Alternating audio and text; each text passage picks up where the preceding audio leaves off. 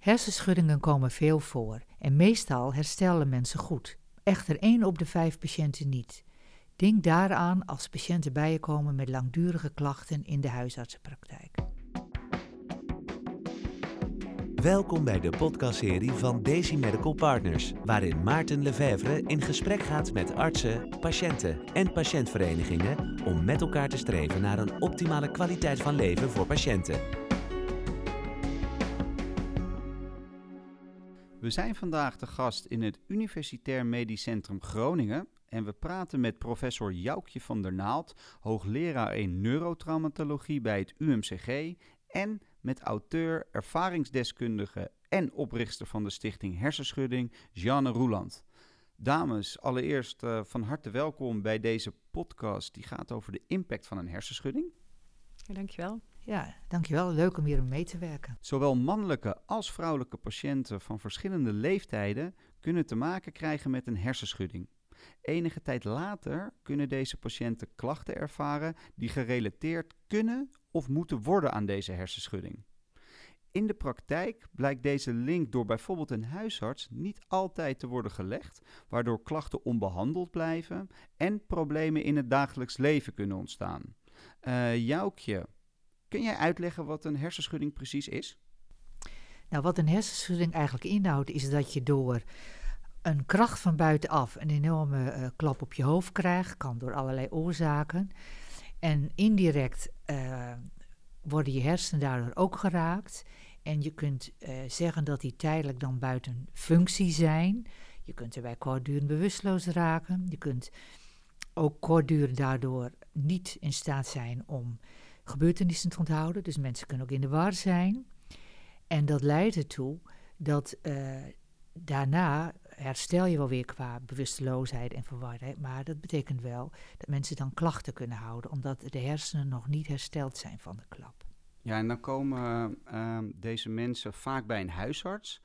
Um, en wat zijn dan de symptomen van een uh, hersenschudding waar zo'n huisarts op moet letten? Nou ja, dat varieert heel erg. Hè. Ik vind het zelf erg belangrijk dat je als allereerst aan de patiënt, of aan de patiënt ook vraagt of diegene bewusteloos is geweest of de verwardheid is geweest. Vaak is het zo dat daar niet op is gelet. En dan komt de patiënt bij de huisarts, soms na een aantal dagen of weken. En als je er specifiek naar vraagt, dan blijkt dat mensen een gat in hun geheugen hebben. Dat ze zich niet de details van het ongeval herinneren.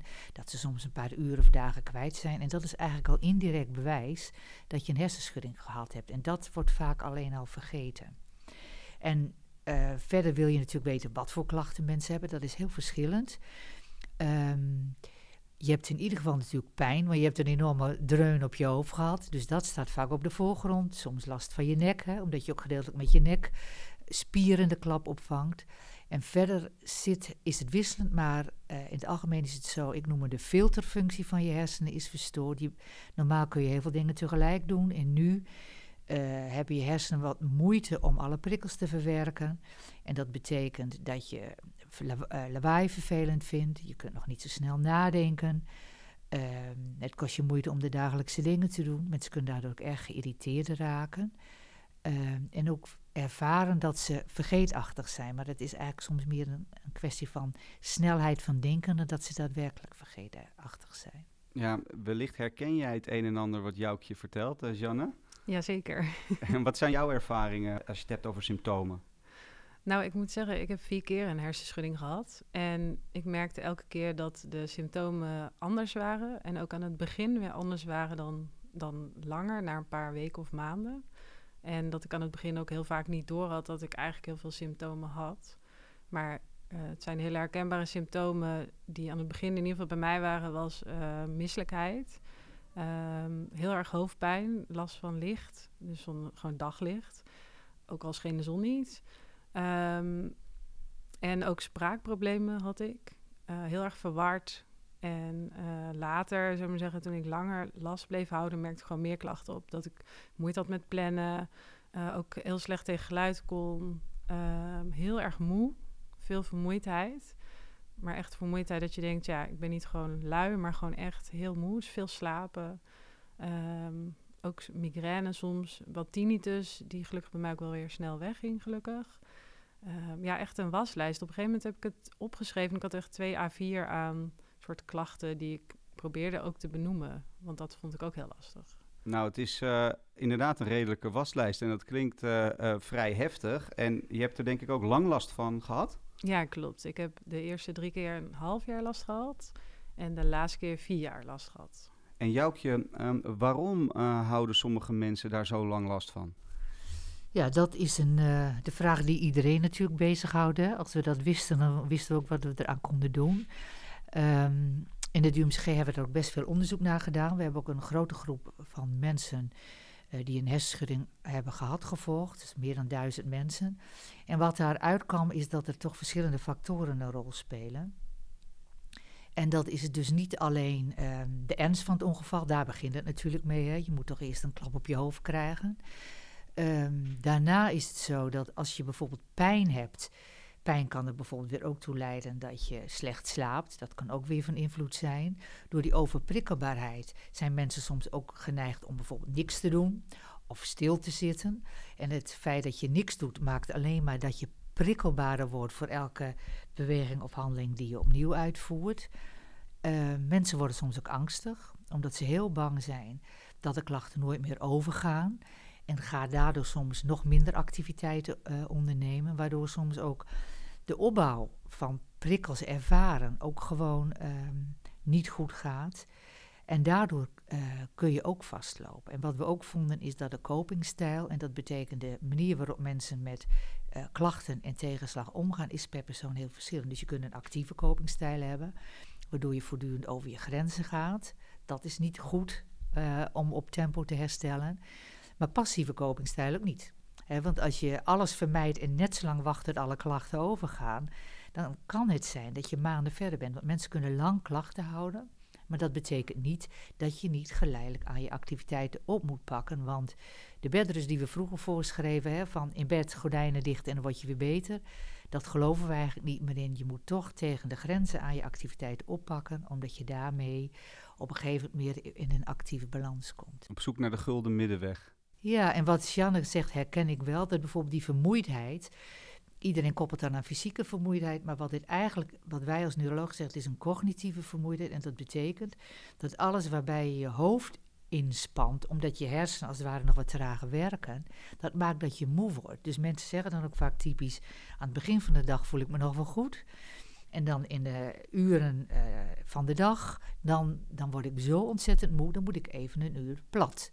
En dat, dat noemen wij dan die cognitieve vermoeidheid. En die houdt vaak het langst aan. En dat is ook teken, als dat beter wordt, dat je daadwerkelijk echt in de laatste fase van herstel zit. Ja, en, en waarom ontstaan bij sommige patiënten na een hersenschudding pas maanden later klachten? Want dat klinkt vrij vreemd. Nou, weet je, je kunt het ook anders bekijken. In het begin ligt bijvoorbeeld de nadruk heel erg op dat de pijn moet verdwijnen. Dus je hebt allerlei redenen om te zeggen, nou, ik heb gewoon hersenschudding, het hoort erbij. Het is wel zo dat je vaak aan de buitenkant niet zoveel uh, ziet aan mensen. Dat betekent ook dat er een houdbaarheid is aan het medeleven van je omgeving. Um, bovendien neemt je activiteit toe, want je wilt toch wel weer aan je, naar je werk. Of uh, ja, je hebt kinderen en ze moeten toch naar school of naar zwemles. En dat betekent dus ook dat je soms uh, te snel iets oppakt. Of wel iets oppakt en je daardoor, daarna pas zorgen gaat maken. Dus al die factoren los van de ernst van het ongeval, hoe verder weg van het ongeval, hoe meer die een rol gaan spelen. Ja, en uh, Janne, um, Joukje had het al uh, over wat voorbeelden uit het dagelijks leven, zoals een zwemles. Maar wat zijn de problemen die een patiënt kan ervaren in het dagelijks leven? Ik kan me zomaar voorstellen dat jij daar wat voorbeelden van hebt. Ja, nee, zeker. Ja, nee, het is ook heel herkenbaar wat uh, Joukje zegt. Um, um, om daar ook aan gelijk aan te linken, waarom je soms de ervaring ook kan hebben dat klachten pas later eigenlijk komen, is omdat je aan het begin hè, die hersenschudding overkomt je, dan heb je allerlei klachten al. En ik had bijvoorbeeld dat ik eerst in bed ging liggen omdat ik zo'n hoofdpijn had en zo'n last van licht en geluid, dat ik dacht, ja, het enige wat ik wil is slaap eigenlijk, weg uit die pijn. Um, en ook die cognitieve vermoeidheid was heel hoog. Uh, maar naarmate je dan weer, nou ja, ik denk dat ik de eerste keren na een paar weken weer echt dingen probeerde te doen. En dan merk je ook pas weer de andere beperkingen waar je tegenaan loopt. Want dan ga je misschien weer eens naar de supermarkt. Ik was zelf bijvoorbeeld eerst student toen de eerste keer hersenschudding opliep. En dus ik woonde wel samen met andere huisgenoten, maar ehm, verder deed ik alles zelf. Ik moest naar mijn studie, ik had een bijbaan. Uh, ik hockeyde en ik wilde uh, bij vrienden langs, naar feestjes, naar verjaardagen. En als je dan weer steeds een stapje verder uit je bed gaat doen en um, weer verder het leven gaat proberen in te stappen, dan kom je in één keer tegen al die klachten, loop je eigenlijk tegen al die klachten aan. Dus ja. kwam ik inderdaad achter van ik wil naar de Albert Heijn, maar ik weet niet. Um, nou, ik stap eigenlijk de deur uit, maar denk, hé, hey, was mijn portemonnee eigenlijk? Ik weet eigenlijk niet meer waar die is. Ja, misschien kan ik daar ook wel wat op inhaken, want dat betekent ook vaak dat je van mensen hoort dat er een gebrek aan informatie is. Dat, dat, dat kan ook al uh, heel vervelend zijn, dat niemand tegen een patiënt zegt van, goh, maar dit hoort erbij. Ja. En dat is helemaal niet erg. Uh, dus uh, er is ook vanuit de Vereniging voor Neurologie is ook gezegd, je moet eigenlijk iedereen, in ieder geval die ontslagen wordt vanuit het ziekenhuis, maar dat zou je ook vanuit de huisartsenpraktijk moeten doen, een soort A4'tje geven van weet je, dit is normaal. Hè? En, en, en nou ja, dat zou je eigenlijk graag willen. Ja, want je voelt je, kan ik me voorstellen, op deze manier ook echt onbegrepen. Want de voorbeelden die je geeft, uh, ja. ja. dat wil gewoon elke jonge vrouw natuurlijk. Ja, nee, precies. En het probleem is ook dat omdat het onzichtbaar is voor anderen... en je zelf eigenlijk ook niet zo goed begrijpt wat er met je aan de hand is... omdat het je overkomt. Kijk, ik heb nu vier herschuddingen gehad, dus nu weet ik ongeveer wat ik kan verwachten. Um, maar als je de eerste krijgt, ik merkte ook hoe lastig het voor mij was om het te benoemen. Wat, wat was er nou aan de hand? Ik voelde me gewoon raar. Ik voelde me vreemd. Ik voelde dat ik was. Ik voelde dat ik me niet helemaal kon concentreren. Als ik naar buiten liep, reden de auto's te snel. Uh, ik woonde in een stad en dan kwam de bus langs en dan schrok ik echt terwijl ik overstak. Omdat ik dacht, jeetje, wat rijdt die bus snel? Dan werd ik heel geïrriteerd. Ging ik op die buschauffeur schelden. Terwijl later dacht ik, nee, wacht, dat was waarschijnlijk mijn eigen reactievermogen die het gewoon nog niet verwerkt had. En als je die weg elke dag zelf loopt, bijvoorbeeld naar de, nou, ik ging elke keer naar mijn studie op de fiets, dan op een gegeven moment wist ik gewoon de weg niet meer. Dus ik stond met mijn fiets in één keer stil, omdat ik ook echt schrok, omdat ik de weg niet meer herkende. En toen hoopte ik van, nou ja, hopelijk komt die herinnering terug, of, in ieder geval de herkenbaarheid terug van de omgeving. Maar dat zijn wel dingen waar ja, als je dan een ander uitlegt van, ja, ik kon net de weg niet meer vinden, dan zitten mensen, oké, ja, als een ja, maar je hebt hem toch gevonden nu? Ja, ja, maar dat is wel eng. Weet je, dan, wat jou ook heel terecht zegt, er zijn ook, je krijgt ook daardoor een soort angst van, ja, wat is eigenlijk met me aan de hand? Dus normaal doe je alles automatisch. En bij een herschudding kan je opeens dingen misschien trager of anders. En ik denk dat het uh, kennis delen daarvan en zeggen van het is heel normaal. hey, het is oké okay dat je die klachten nog ervaart. Want dat hoort erbij. En dat, dat maakt het makkelijker. Ja, dan voel je in ieder geval niet vreemd. En kan je ook tegen anderen zeggen um, van... hey, uh, bijvoorbeeld op mijn werk had ik... Um, ik werkte als projectsecretaris bij jeugdzorg als bijbaan. En mijn projectleider, die kende mij al twee jaar. En die vroeg op een gegeven moment aan mij... Hey Janne, kun je die map nog even geven waar ik je net om vroeg? En toen zei ik tegen hem, welke map? Waar vroeg je om? Dat kan ik me helemaal niet meer herinneren zei hij, je gedrag echt heel raar. En hij zag het verschil van twee jaar werken met mij daarvoor en nadat ik een bal, hockeybal heb ik tegen mijn hoofd gehad, um, zag hij het verschil erg. Dus toen zei hij ook van, wat is er met je aan de hand? Toen zei ik, oh ja, nou, ik heb gisteren een bal tegen mijn hoofd gehad, maar het gaat wel weer. Ik ben de dag daarna gelijk weer gaan werken. Maar hij zag gaandeweg, zag hij steeds meer bij mij mijn, uh, ja, eigenlijk het verschil. En als je dat soort mensen niet om je heen hebt ook, dan wordt het ook een beetje eng. Want dan heb je echt zoiets van, wat doe ik raar? En dan ga je naar de huisarts en die zegt, nou, hè, het zou binnen een paar weken, was toen bij mij ook nog het advies, zou het wel weer over moeten zijn. En als dat dan niet zo is, dan ga je het aan andere dingen, ging ik het in ieder geval aan andere dingen leren. Van, oh, misschien ben ik, uh, ja, ik werd toch onzeker. Ik dacht, het is misschien toch iets mis met mij. Uh, ja. Misschien doe ik het verkeerd. Ja. Is, dat, is die onzekerheid dan bijvoorbeeld ook een uh, effect op lange termijn? Wat je eraan over hebt gehouden? Of wat zijn de lange termijn ja, effecten die je eraan over hebt gehouden? Ja, ik, ik ben nu helemaal hersteld. Dat is heel positief. Maar ik zou het opdelen nu achteraf in, in drie, drie vakken van de cognitieve klachten die ik had. En meer de, de emotionele klachten die ik had. Dus ook uh, wel de mentale klachten. Want dat wordt dus angstig, je wordt onzeker, je bent zoekende. Het is ook je raakt sneller geïrriteerd door die klachten. Dus je voelt je ook wel... Nou, ik werd soms best wel agressief. Uh, als er dus inderdaad zo'n buschauffeur langs reed... dan kon ik best wel gaan schelden. Terwijl ik dat normaal... heb ik niet zo'n kort lontje. Um, en ook de fysieke klachten. En in die drie ja, scala aan klachten... die zijn wel heel heftig. En die, die nou, waren voor mij ook wel invaliderend, moet ik eerlijk zeggen... op sommige momenten. En sommige momenten ook weer niet. Dus dat is ook heel verwarrend. Van de ene keer kan ik iets wel en de andere keer niet. En waarom dan?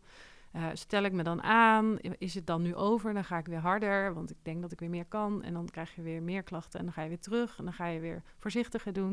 En die balans waar jij ook, ook, waar ook over sprak.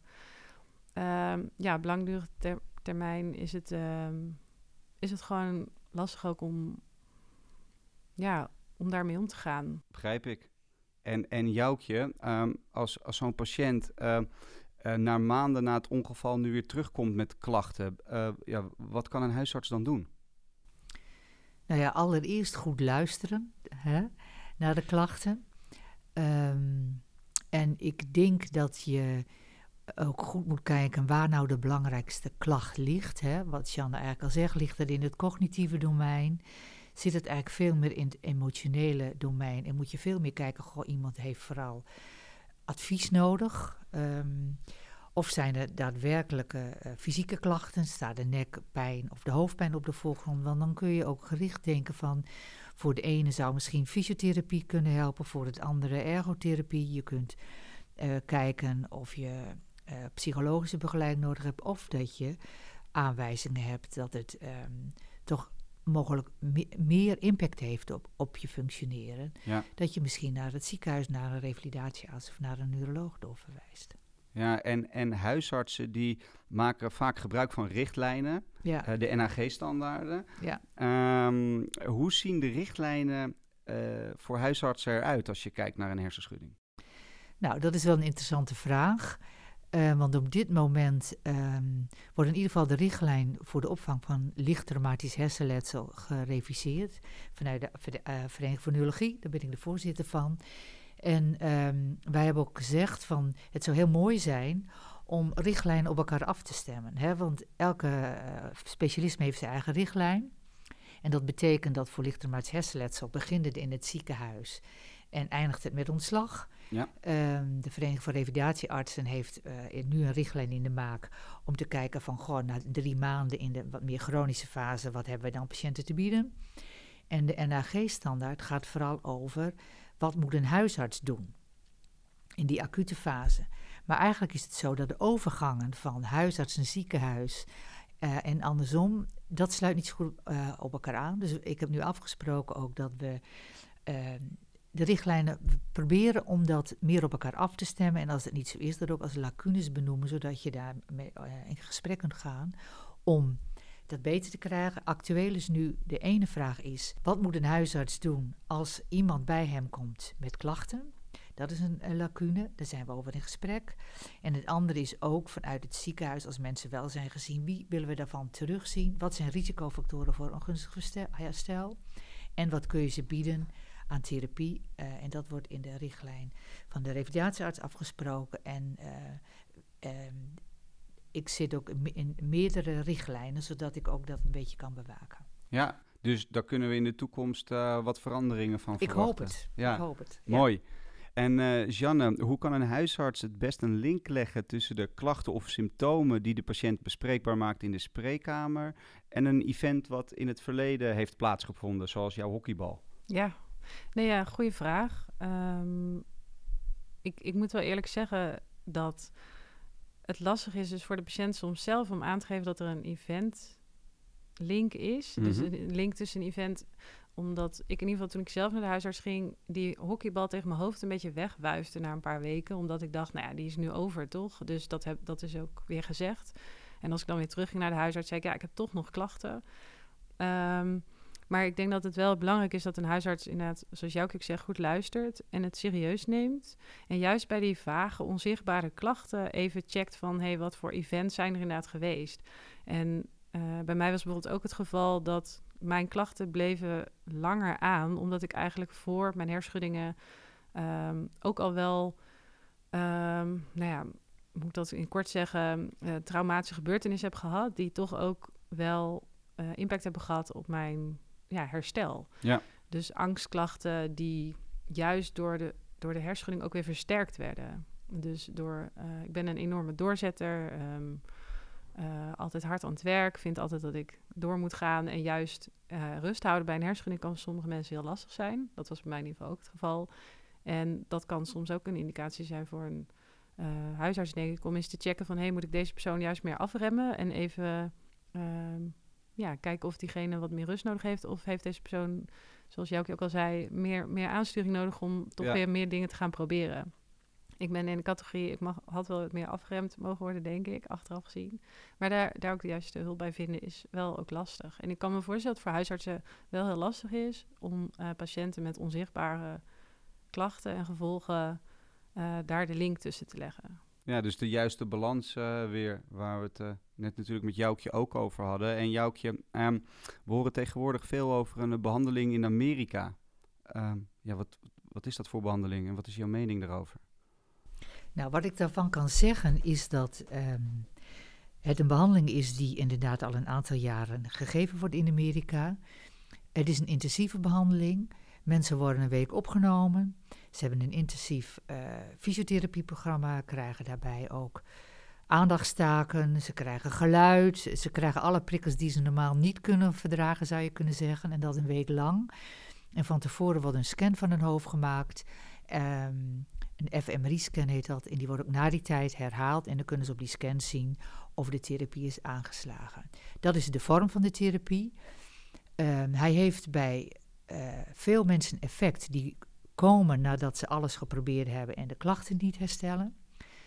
Ehm, dus het, dat is belangrijk voor patiënten. Als je aan mij vraagt als neuroloog, snap je hoe die therapie werkt? Dan moet ik eerlijk zeggen dat ik dat niet helemaal snap. Omdat ehm, ik denk dat het een soort reset-therapie is. Dat je in één keer bloot wordt gesteld aan prikkels die je vermijdt.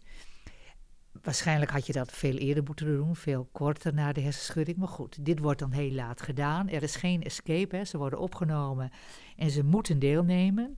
Dus ik denk dat dat een, een goede opzet is. Dat je op een scan dan kunt zien voor en na die tijd dat mensen kunnen verbeteren. Dat vind ik bijzonder, want ik weet uit onderzoek wat ik doe dat het heel lastig is om dat zomaar op scans plekken aan te wijzen die wel of niet goed functioneren. Maar ik denk wel dat het element van die reset, dat dat belangrijk is. En op dit moment doe ik ook samen met mensen in Amsterdam, kijken we naar hoe die, proberen we tenminste te achterhalen hoe die therapie werkt. Want stel je voor, al zitten er maar twee elementen in van de tien die we snappen, dan zouden we daar misschien wel iets mee kunnen in de Nederlandse situatie. Maar goed, het is een hele dure therapie, het helpt ook niet bij iedereen. Dus je moet heel goed nadenken of je daar aan begint.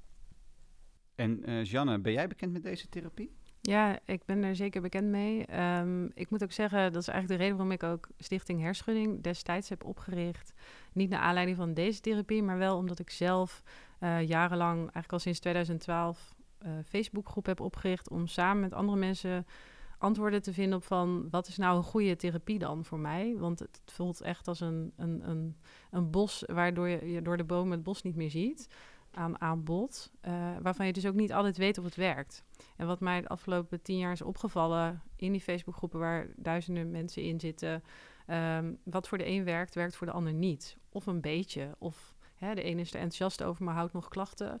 En je ziet ook dat eh, deze doelgroep is een hele kwetsbare doelgroep. Mensen zijn heel wanhopig om beter te worden, want je, al deze klachten zijn, nou, zoals ik net al zei, voor sommige mensen heel invaliderend en gewoon heel heftig.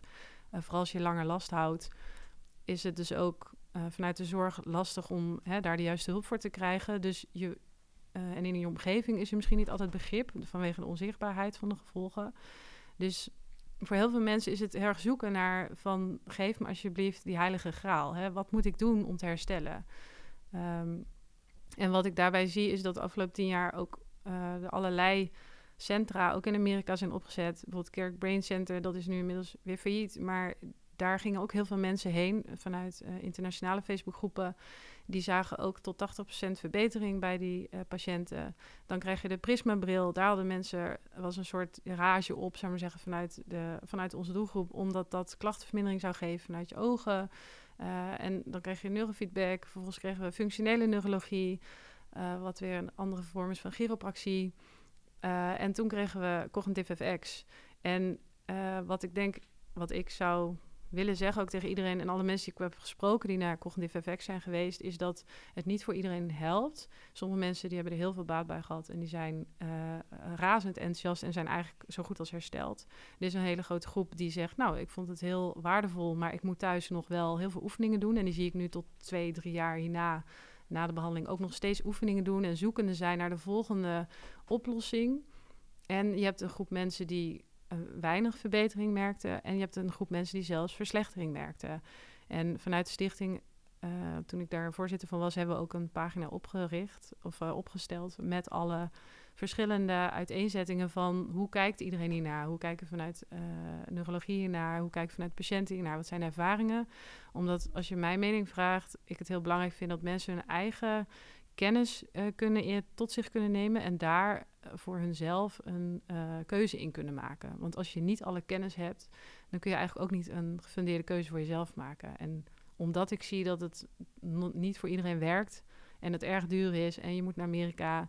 Uh, en inmiddels zijn er trouwens ook heel veel initiatieven in Nederland die dit doen.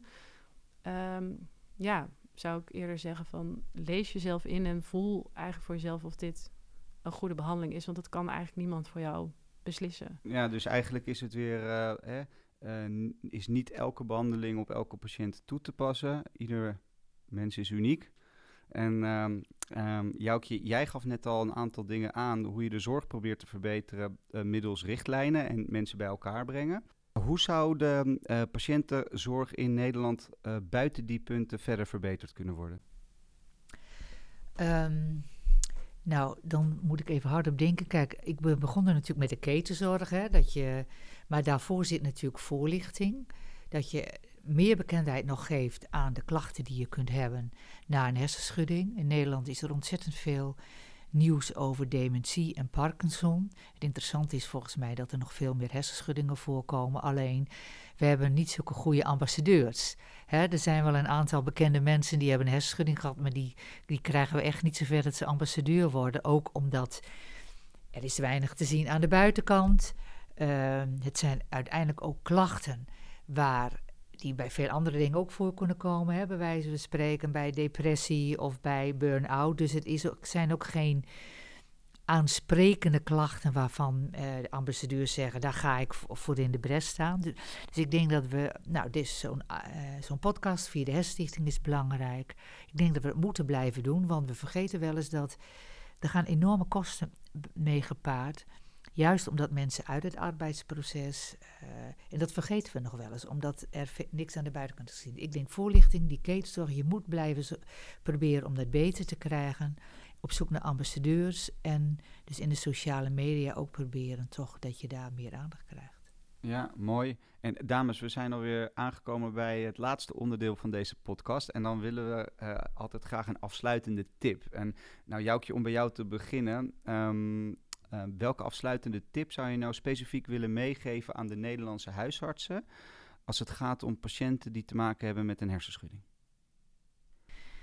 Luister goed naar de patiënt en wanneer mensen zoveel klachten hebben dat ze hun activiteiten waar ze normaal heel veel plezier in hebben, en dat is hun kinderen, hun werk en hun hobby's, denk dan nog eens terug aan het feit dat die patiënt zich ooit gemeld heeft met een hersenschudding. Dus goed in het dossier kijken naar uh, events in het verleden. Ja, en ook uh, realiseer je dat als mensen met klachten hun activiteiten niet meer kunnen doen, dat dat ook een heel belangrijk breekpunt is. Ja, en Janne, um, heb jij een mooie afsluitende tip uh, die de Nederlandse huisartsen zou kunnen helpen? Ja, ik denk dat het heel belangrijk is dat huisartsen zich echt realiseren dat die klachten dus langer aanhouden en dat ze dat ook serieus nemen. Uh, omdat het oude devies nog wel eens, oh, het is een paar weken over. Um, en met de patiënt ook echt meekijken van wat kunnen we inderdaad voor je betekenen. Dat vind ik mooi wat jou ook zegt van hè, hoe, hoe hou je ook je, je plezier in je leven. Want het is eigenlijk een. De patiënten voelen zich vaak wel een stille, een stille patiënt. Je hebt dus weinig energie om voor jezelf op te komen. Dus je hebt ook wel die hulp en steun nodig. Nou, dames, hartelijk dank.